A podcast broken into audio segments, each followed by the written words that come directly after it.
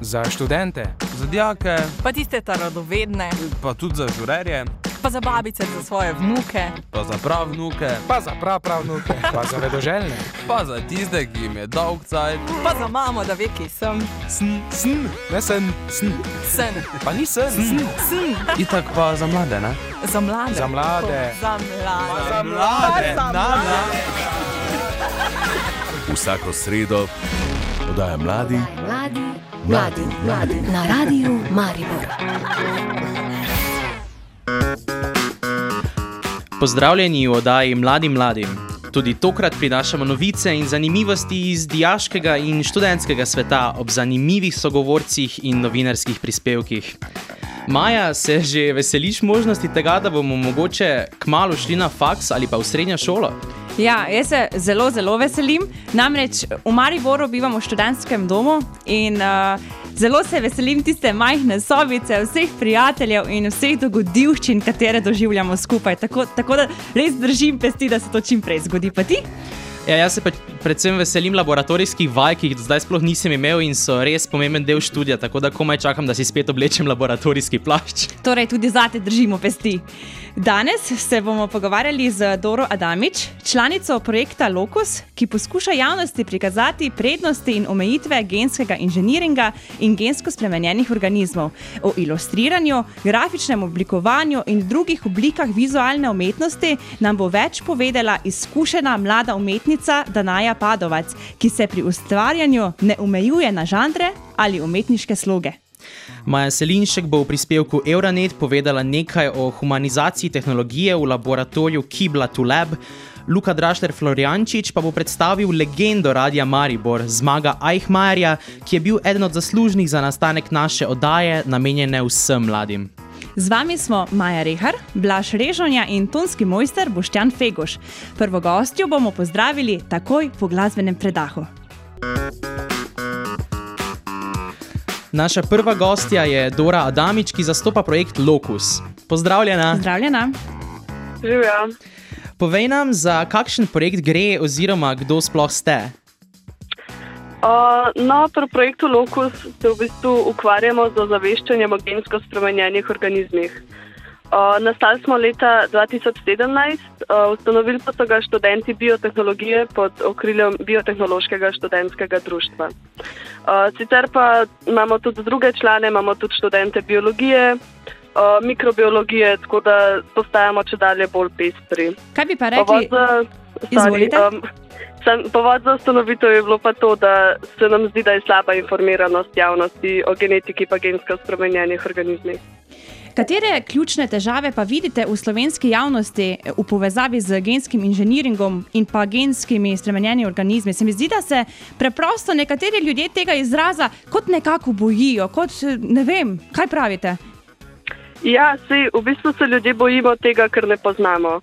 In zdaj mi smo enkrat naredili eno anketo, kjer smo v bistvu spraševali ljudi, potem, koliko oni poznajo genetiko. In eno vprašanje je bilo v bistvu, če bi jedel hrano, ki vsebuje gene.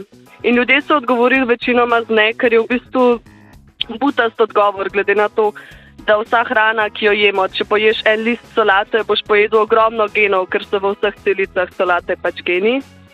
Uh, tako da v bistvu je naš namen jih to, da predstavimo osnove genetike, genskega inženiringa in pa da pokažemo, da to ni nekaj tako groznega. In zagotovo to predstavljanje počnete na različne načine. Katera od vaših aktivnosti pa je po uh, tvojem najpomembnejša za izboljšanje odnosa lajčne javnosti do tega genskega inženiringa in povezanih zadev? Uh, zdaj, jaz bi rekel, da naša najpomembnejša aktivnost so predavanja na gimnazijah. Uh, se mi zdi, da so mlajši bolj odprti za takšne nove ideje. Uh, sicer imamo pa tudi spletno stran, na kateri objavljamo članke, ki jih pišejo naši člani in članice, kjer so pa tudi predstavljene osnove genetike, recimo, ki se predstavi, kaj je gen, kako se podvaja DNK. Ampak so te naše aktivnosti trenutno malo krnjene zaradi te korona situacije. No, pa ko si ravno omenila te gene in tudi prej o tisti anketi, ali lahko na hitro čim bolj preprosto predstaviš, kaj je ta zelo glasni gen, ki se ga nekateri tako zelo bojijo, kaj v bistvu sploh so geni.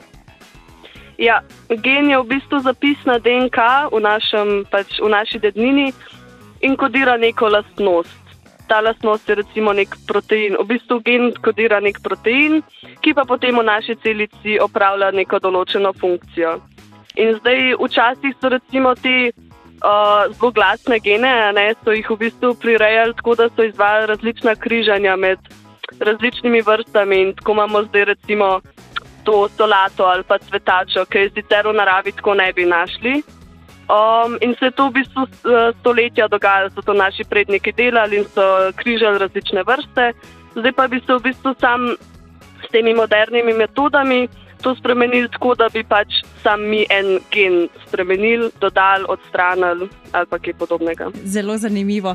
Imate pa v mislih kakšne določene dogodke, ki jih želite organizirati po pandemiji, oziroma določene medije, eh, po katerih želite širiti svoje sporočilo? Um, jaz zdaj smo sred organizacije enega kongresa oziroma okrogle mize o gensko spremenjenih organizmih. Uh, sicer je ta organizacija še malček v povojih, se še nismo čisto odločili, niti koga bomo povabili. Um, ampak osnovna ideja je pa, da bi imeli različne strokovnjake in strokovnjakinje, ki bi pa predstavili gensko spremenjene organizme, recimo na področju živalske biotehnologije, rastlinske biotehnologije, v kmetovanju ali pa v proizvodnji farmacevtskih učinkovin ali pa kaj podobnega. Wow, že sama napoved se mi je res dela izjemna, tako da gotovo vam bodo z veseljem prisluhnili. Dora, mi pa sedaj prisluhnimo naslednji pesmi. Zmenjeno. Pazi, lučka. Ker mene je full strah. Štrckanje s kulicami dovoljeno pod mizo. Telefone izklopimo, ker če zvonijo. Joj, pa te to je. Nadaljujemo. Mladinska oddaja mladim mladim. Lepa, lahko gremo. Tako, pesem je minila, mi pa nadaljujemo naše potovanje po svetu genskega inženiringa, ki se marsikomu zdi kot nekakšna magija, vendar za vsem preži veliko raziskovanja in desetletja nakopičenega znanja. Dora, zate imam eno rahlo nenavadno vprašanje. Kateri je tvoj najljubši gensko spremenjen organizem in zakaj je temu tako? Uh, jaz bi rekla, da je moj najljubši gensko spremenjen organizem zlati riž. In sicer je to riž, ki je bil tako gensko spremenjen, da vsebuje zelo velike koncentracije vitamina A.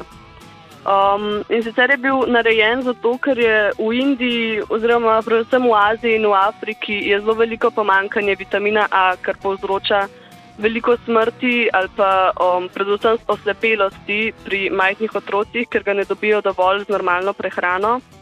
In je bil v bistvu razvit brez kakršnega koli patentiranja, kar pomeni, da v zadju dejansko ni bil noben dobiček, ampak samo dobrodelnost te organizacije, ki je dejansko ta gensko spremenjeni organizem, torej zlati riž, razvila.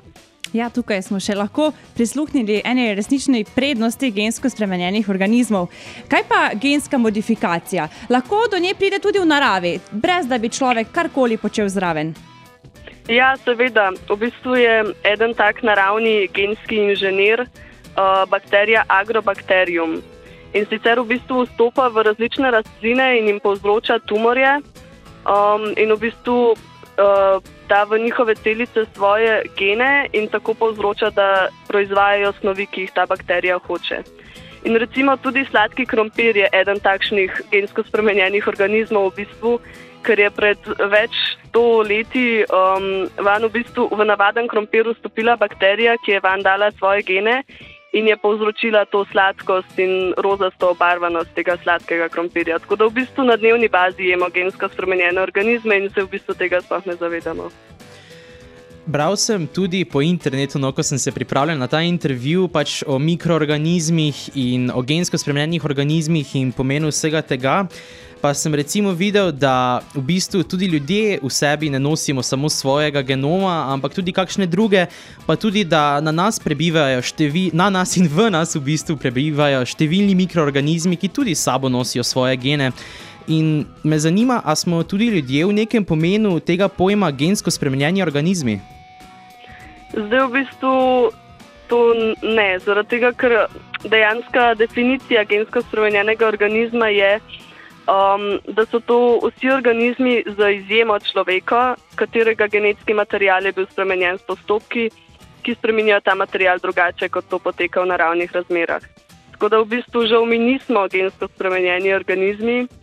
Um, ampak je pa res, da imamo na sebi zelo veliko bakterij in drugih organizmov, in tudi je res, da imamo v naši DNK zelo veliko virusne dednine, ampak to nas v bistvu žal ne naredi gensko spremenjene organizme. Zanimivo. Vidim, da si bom še lahko marsikaj o tem prebral, pa vendarle ne bom prišel do konca. Kaj pa misliš, če naprimer pogledaš malo v prihodnje, kam bo biotehnologija, biotehnologija zavila in pa mogoče kakšni uspehi, težave se nam obetajo? Mm, ja, zdaj biotehnologija je zelo široko področje. Zdaj že sama, ki to študiram, je v bistvu toliko nekih aplikacij, ki se razvijajo ali pa so že razvite, um, da je v bistvu tako širok spektr, da težko napovemo, kam bo šlo naprej. Mene, recimo, trenutno, ker smo jih sredi epidemije, mi je najbolj fascinanten ta farmacevtski del biotehnologije, torej sama proizvodnja cepiv, ki je zdaj tako hitro napredovala. Um, ampak je toliko nekega potencijala, ne samo na področju gensko spremenjenih organizmov, da res težko napovemo, kam bo šlo naprej. Kaj pa recimo v agronomiji, prej si omenjala tale zlati riž, a mogoče so na vidiku že kakšni veliki napredki na tem področju ali kakšno novo super živilo? Ja, napredki se skozi dogajajo. Meni je recimo zelo zanimiv ta roza ananas, ki v bistvu um, je sam tak malo bolj sladek in v bistvu je sam preprečeno izražanje nekega določenega gena in pol v bistvu ne bolj roza ananas, se mi zdi. Pa še O, super bo izgledal na, foto poglabljala. ja, pa še super bo izgledal na fotografijah, ta uh, roza Ja. ananas. Sam tega žal v Sloveniji ne moremo dobiti, ker so gensko spremenjeni organizmi tukaj prepovedani, ampak greste pa lahko v Ameriko, tako da tam jih pa boste našli. Zmenjeno. Uh, očitno je seveda problematika gensko spremenjenih organizmov precej obširna tukaj pri nas doma in smo še kar na začetku poti do vsega, kar bi bilo treba urediti. Gotovo bo tudi koga od poslušalcev zanimalo več in se bo hotel poglobiti v te teme, ki smo se jih danes le bežno dotaknili. Uh, kje vse vas lahko poslušalci najdejo? Uh, ja, lahko nas najdete na Instagramu uh, pod imenom projekt.locus ali pa na spletni strani projektlocus.si, pa tudi na Facebooku pod istim imenom. Zdaj smo pa naredili pred kratkim tudi Discord server, um, kamor bomo v bistvu objavili. Um, Link bomo objavili do tega Discorda na naših socialnih omrežjih, tako da ste tudi poslušalci vabljeni, da se nam pridružite. Dora, hvala ti za vse, kar si danes delila z nami. Znanost Hvala. nam je očitno resnično lahko hitro nerazumljiva, vendar ob pomoči ljudi kot si ti in tvoji kolegi v društvu vsak lahko spozna nekaj novega. Veliko uspehov vam želim na vaši misiji. Hvala. Za dijake. Za žurerje, za študente. Za vedoželjne, Zavede. Kdaj? Zdaj. Mladi mladim. Razvoj tehnologije je občutno spremenil naša življenja. Z namenom oblikovanja človeku prijazne tehnologije se ukvarja projekt Kibla to Lab, kjer razvijajo ideje in produkte na področju umetnosti, znanosti in gospodarstva. V ta namen je bil ustvarjen poseben laboratorij, ki odpira vrata tudi mladi populaciji. Več v prispevku Maja Selinšek. Euronet Plus, Zagreb. Euronet Plus, vodilna radijska mreža za EU novice. Euronet Plus, boljše razumevanje Evrope. Kibla 2 Lab je projekt znotraj mreže centrov raziskovalne umetnosti in kulture. Interdisciplinarni medijski laboratorij na razstavišču Kibla Portal je namenjen raziskovanju in povezovanju kulture, znanosti, tehnologije in gospodarstva. Naložbo sofinancirata Republika Slovenija in Evropska unija iz Evropskega sklada za razvoj vzhodne regije. Projekt z razvijanjem inovativnih produktov spodbuja tudi storitev za humano tehnologijo prihodnosti. Zdaj, specifično naš, naš projekt te mreže se pa ukvarja z vzpostavljanjem teh laboratorijev, ki potem kot neke vrste medijski laboratoriji, ki potem razvijajo, testirajo, spravi, razvijajo projekte na področju vizualne kulture in umetnosti. Ne. Zdaj, velik, se, mi specifično v Kibla 2 Lab se ukvarjamo z področjem virtualne resničnosti, 3D skeniranja, se pravi, skeniramo te objekte, ki so v naravi, kulturno dediščino. Pre, preoblikujemo v 3D model in lahko na ta način kažemo v uh, virtualnih okoljih. Laboratorij deluje kot povezovalni člen med kreativci, umetniki, industrijo in znanostjo. Raziskovanja povezujejo znanstvena dognanja, ki jih poskušajo prenesti v aplikativno uporabo. S tem se znanje preliva v praktične produkte, iz katerih razvijajo projekte, ki jih kasneje razstavijo v muzejih. Za potrebe digitalizacije idej uporabljajo napredno tehnološko opremo. Uporabljamo uh, en kar dosti močnejši laserski skener, ki omogoča zelo hitro um, skeniranje uh, objektov. Uh, dobimo en tak oblak točk ven, tako da lahko iz tega oblaka točk uh, generiramo 3D modele. Seveda, zraven uporabljamo tudi drugo opremo, ki potem um, tudi nadgrajuje ta laserski sken, uh, tako da lahko potem dobimo tudi dobre teksture iz fotografij, tako da potem vidi objekt uh, tudi pač se trudimo, da zgleda čim bolj realistično. Projekt se ukvarja s problematiko nevidnega, s tem, kar ni dostopno javnosti. Trenutno razvijajo vizualni projekt, s katerim bi lahko vizualizirali kulturo in kulturno dediščino v 3D obliki. Razvijamo projekt, da se prikaže, kakš, v kakšnem obsegu oziroma kakšen pomen ima eh, vinogova klet v Mariboru. Recimo, ne, ljudje se morda marsikdo niti ne zaveda, da imamo v Mariboru veliko uh, podzemnih rovov. Uh, del tega je seveda tudi, tudi rovi v Toni Tesno, ampak specifično pri Vinogovi kleti so, so to ogromni, ogromni podzemni prostori. Ne. Je pač tukaj potem namen to vizualizirati in nekako nakazati uh, tudi, kako se to upleta v, v, v, v samem centru Maribora. Del razvoja je tudi interdisciplinarno izobraževanje in ustvarjanje storitev in produktov. Vzpostavitev ekip po posameznih projektih, uporaba kreativnih metod, kreativna srečanja so ena izmed temeljev delovanja laboratorija Kibla 2 Lab. Tam je dobrodošla tudi strokovna in širša javnost, ter predvsem mladi, ki želijo svoje znanje nadgraditi in v praksi izkusiti napredno tehnološko opremo. Uh, sploh kar se tiče senzorjev, uh, teh očal za virtualno resničnost, računalnikov, programov, um, pač posedujemo določene licence, ki omogočajo potem to generacijo 3D modelov in um, ustvarjanje uh, same uh, izkušnje. Pravi, mi postavimo ta 3D model v, v okolje videoiger uh, in pa sprogramiramo izkušnjo, da lahko pač ljudje doživijo to skozi neko tako interaktivno izkušnjo. Ne. Nam je zaupal vodja projekta Žiga Pavlović. Projekt konec januarja skupaj z Društvom razvijalcev igre Slovenije organizira Game Jam dogodek, namenjen posameznikom, ki želijo razvijati igro v skupini. Na dogodku, ki bo potekal online, bodo imeli 48 ur časa, da razvijajo igro na določeno temo. Euronet Plus, Milano, Zagreb, Bruselj, Sofija, Riga. Vodilna radijska mreža za EU novice. Pazi, lučka. Ker mene je full strah. Štrckanje s kulicami dovoljeno pod mizo. Telefone izklopimo, ker če zvonijo. Joj, pa te to je. Pazi, snemamo. Nadaljujemo. Mladinska oddaja mladi mladim. Lepa, lahko gremo. Na telefonski liniji se nama z Majo sedaj pridružila še ena druga gostja, mlada umetnica Danaja Padovac. Pozdravljena. Živijo, pozdrav v studio in poslušalcem. O tebi smo na spletu izbrskali, da prihajaš iz Kočevja, stara si 23 let, tvojo sobo pa krasijo umetnine, zaradi katerih smo te tudi povabili, da izvemo kaj več o tvojem ustvarjanju. Pa začnimo ja. mogoče, seveda, na začetku v otroštvu. Um, si že takrat rada barvala, risala, so bile mogoče tvoje stene eh, pobarvane? Uh, ja, začela sem res risati kot otrok in zelo rada sem risala. Spomnim se, da sem enkrat z barvicami pobarvala tudi steno, ker starši niso bili ravno navdušeni, drugače tako eksperimentirala pa nisem. Bila je bolj klasika, barvice, papir. No, ampak eh, tudi takšni skromni začetki se seveda lahko razvijajo v nekaj čudovitega, kot smo, kot smo videli na tvojem Instagram profilu. Uh, ko je prišlo do tega trenutka, ko je bilo treba razviti svoje talente v nekaj vrhunskega, je bilo treba seveda izbrati študij. Na podlagi česa si izbrala svoj študij in katerega si izbrala, če nam na kratko predstaviš?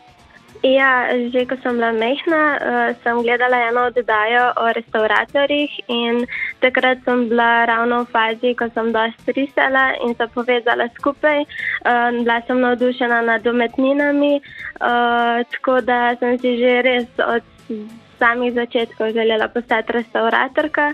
Zato sem potem tudi vadila in se upisala v srednjo šolo kjer so bili potrebni sprejemci, uh, naredila sem jih uh, in potem sem nadaljevala um, na akademiji uh, na smeri restauratorstva, mi je uspelo. No. Torej, to je rezultat ne, tistega pregovora, kjer je volja, je tudi moč. Mislim, kjer je Tako volja, je, je tudi. Ja, moč. Pot, pot. mogoče pot. Tako, pot ja. tako je prav. Kaj pa, če bi se morala, uh, bi rekla, osredotočiti samo na eno tvojo umetnino in bi rekla za njo, gledajte, to je moja umetnina in na to sem res, resnično najbolj ponosna. Za katero bi se odločila in zakaj? Oh, um, verjetno na kakšen hiperrealističen portret. Um, mogoče uh, portret, kjer sem narisala sebe kot mehna deklica. Uh, tisti je bil eden prvih portretov, ki mi je res uspel z barvicami. Uh, Črno-bel portret pa mogoče Kobe, Kobe Bryant, ki sem ga narisala. Tudi je bil v, eden izmed prvih, ki sem začela s hiperrealizmom. No. Veliko čudovitih obrazov in portretov je treba narisati tudi, ko se podamo v ilustratorstvo, kar ti zagotovo ni tuje področje. Nedolgo nazaj si ilustrirala knjigo Božiček obstaja. Nam lahko poveš kaj več o tvoji izkušnji? Ja, v bistvu um, knjiga Božiček obstaja.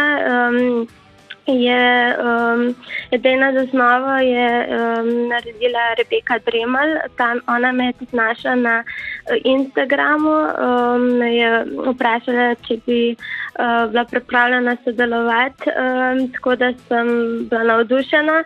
Um, In smo potem uh, kaj malo začeli uh, s samim projektom. Uh, ilustracije sem narisala v enem mesecu, kar je res uh, hiter čas, no, ker sem jih mogla narisati kar 15. Uh, tako da pa tudi prvič sem se nekako srečala z ilustracijami. Uh, zato sem tudi izbrala. Um, medij, digitalen medij, no, sem risala z grafično tablico zaradi v bistvu časovne stiske. Pa tudi prvič sem risala uh, z grafično tablico, tako da je bil kar velik projekt za me. No, še nekaj me zanima ob tej časovni stiski. E, misliš, da čudovita umetnost vedno nastane samo takrat, ko si vzamemo ogromno časa in se res posvetimo vsakemu detajlu, ali je lahko v bistvu prav ta časovna stiska tista spodbuda, ki jo potrebuješ, da iz sebe izvlečeš najboljše? Hmm, uh, zanimivo vprašanje.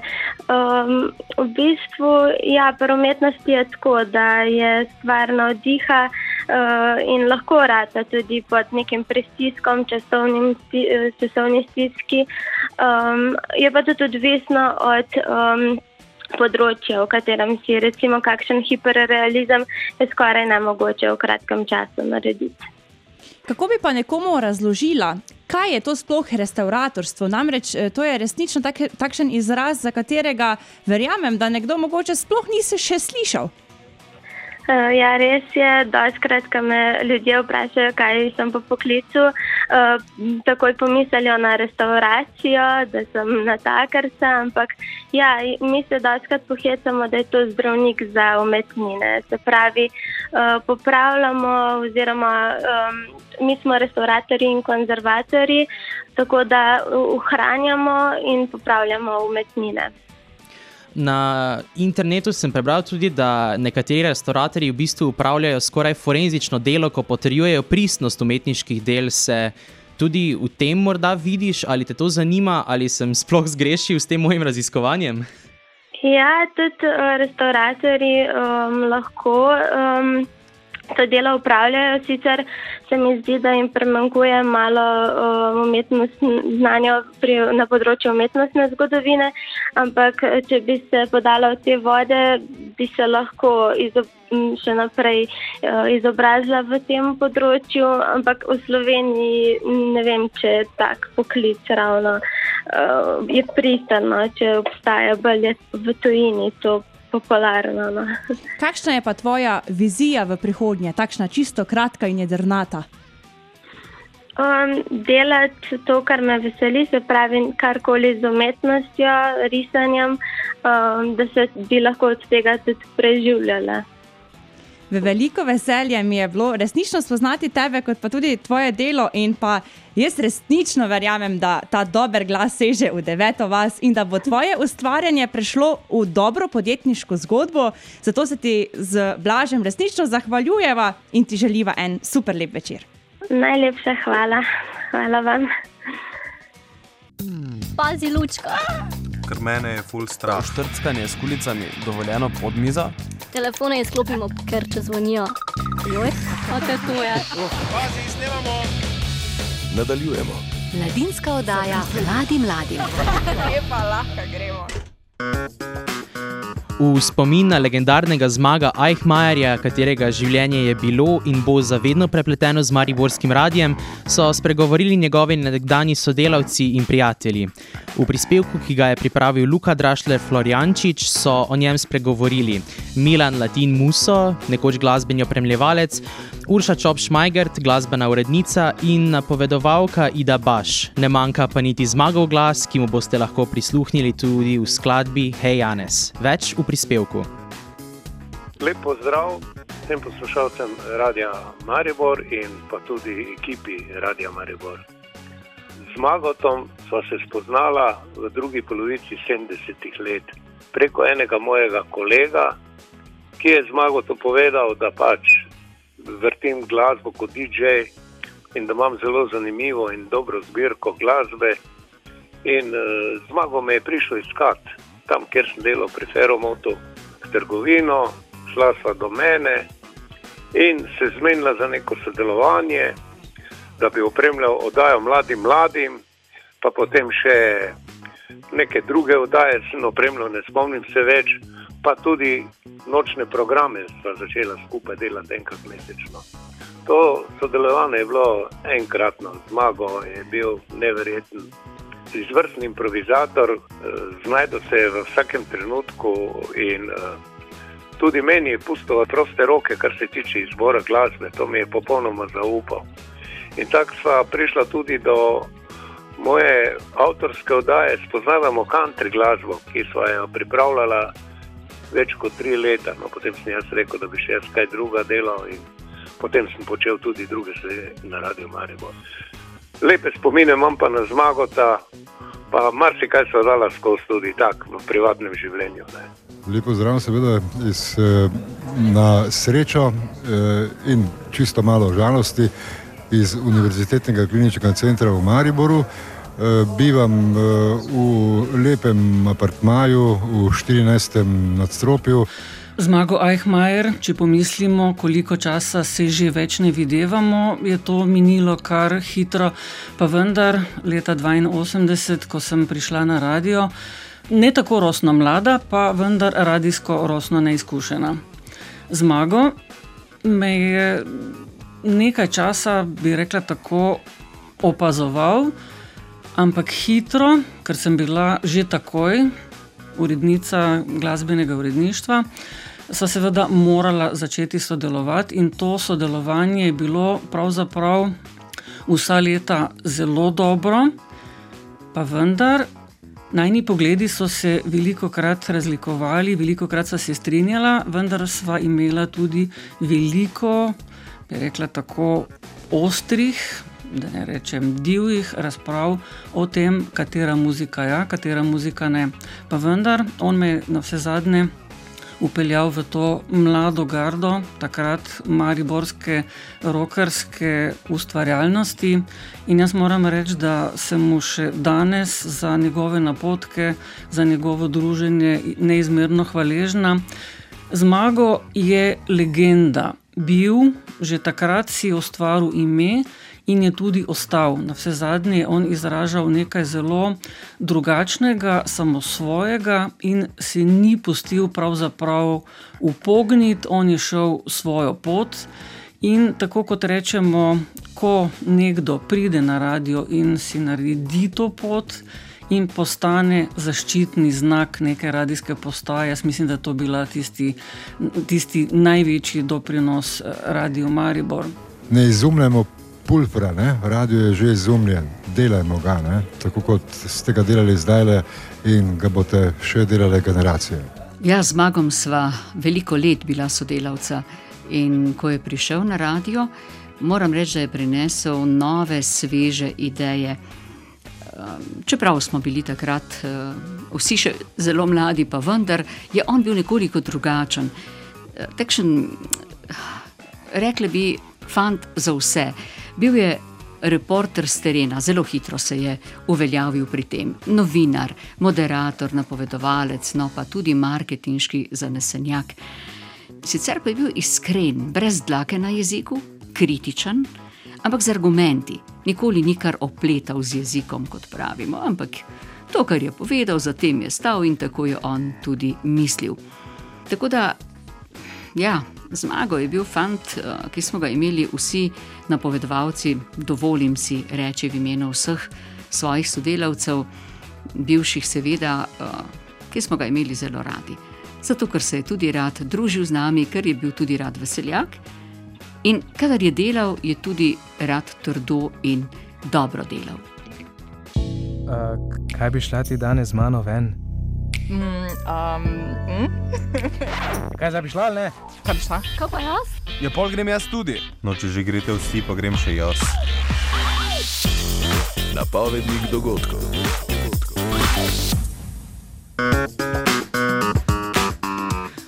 Pa si pogledajmo, kateri zanimivi dogodkov se boste lahko udeležili na spletu.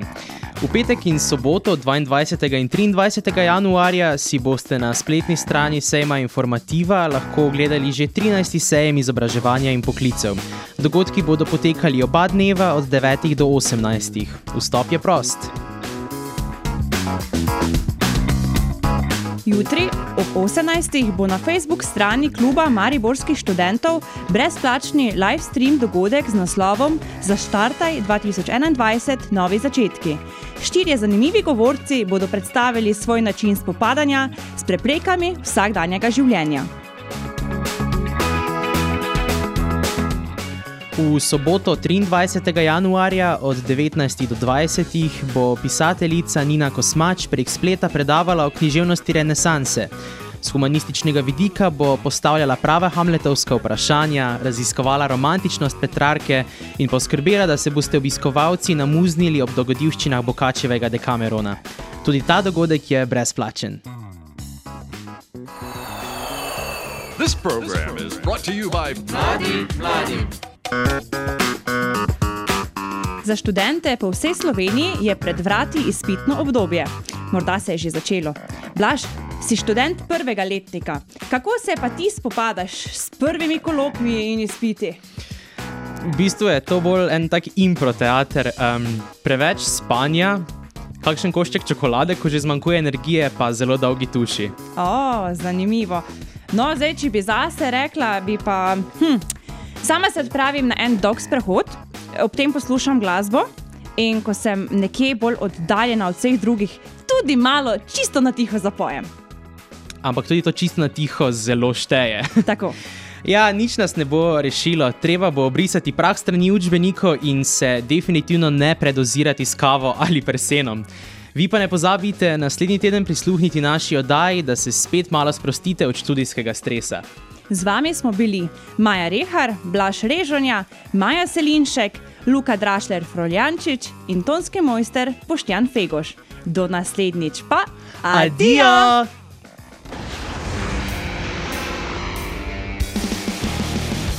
Podaja mladi, mladi, mladi, mladi na radiju Maribor.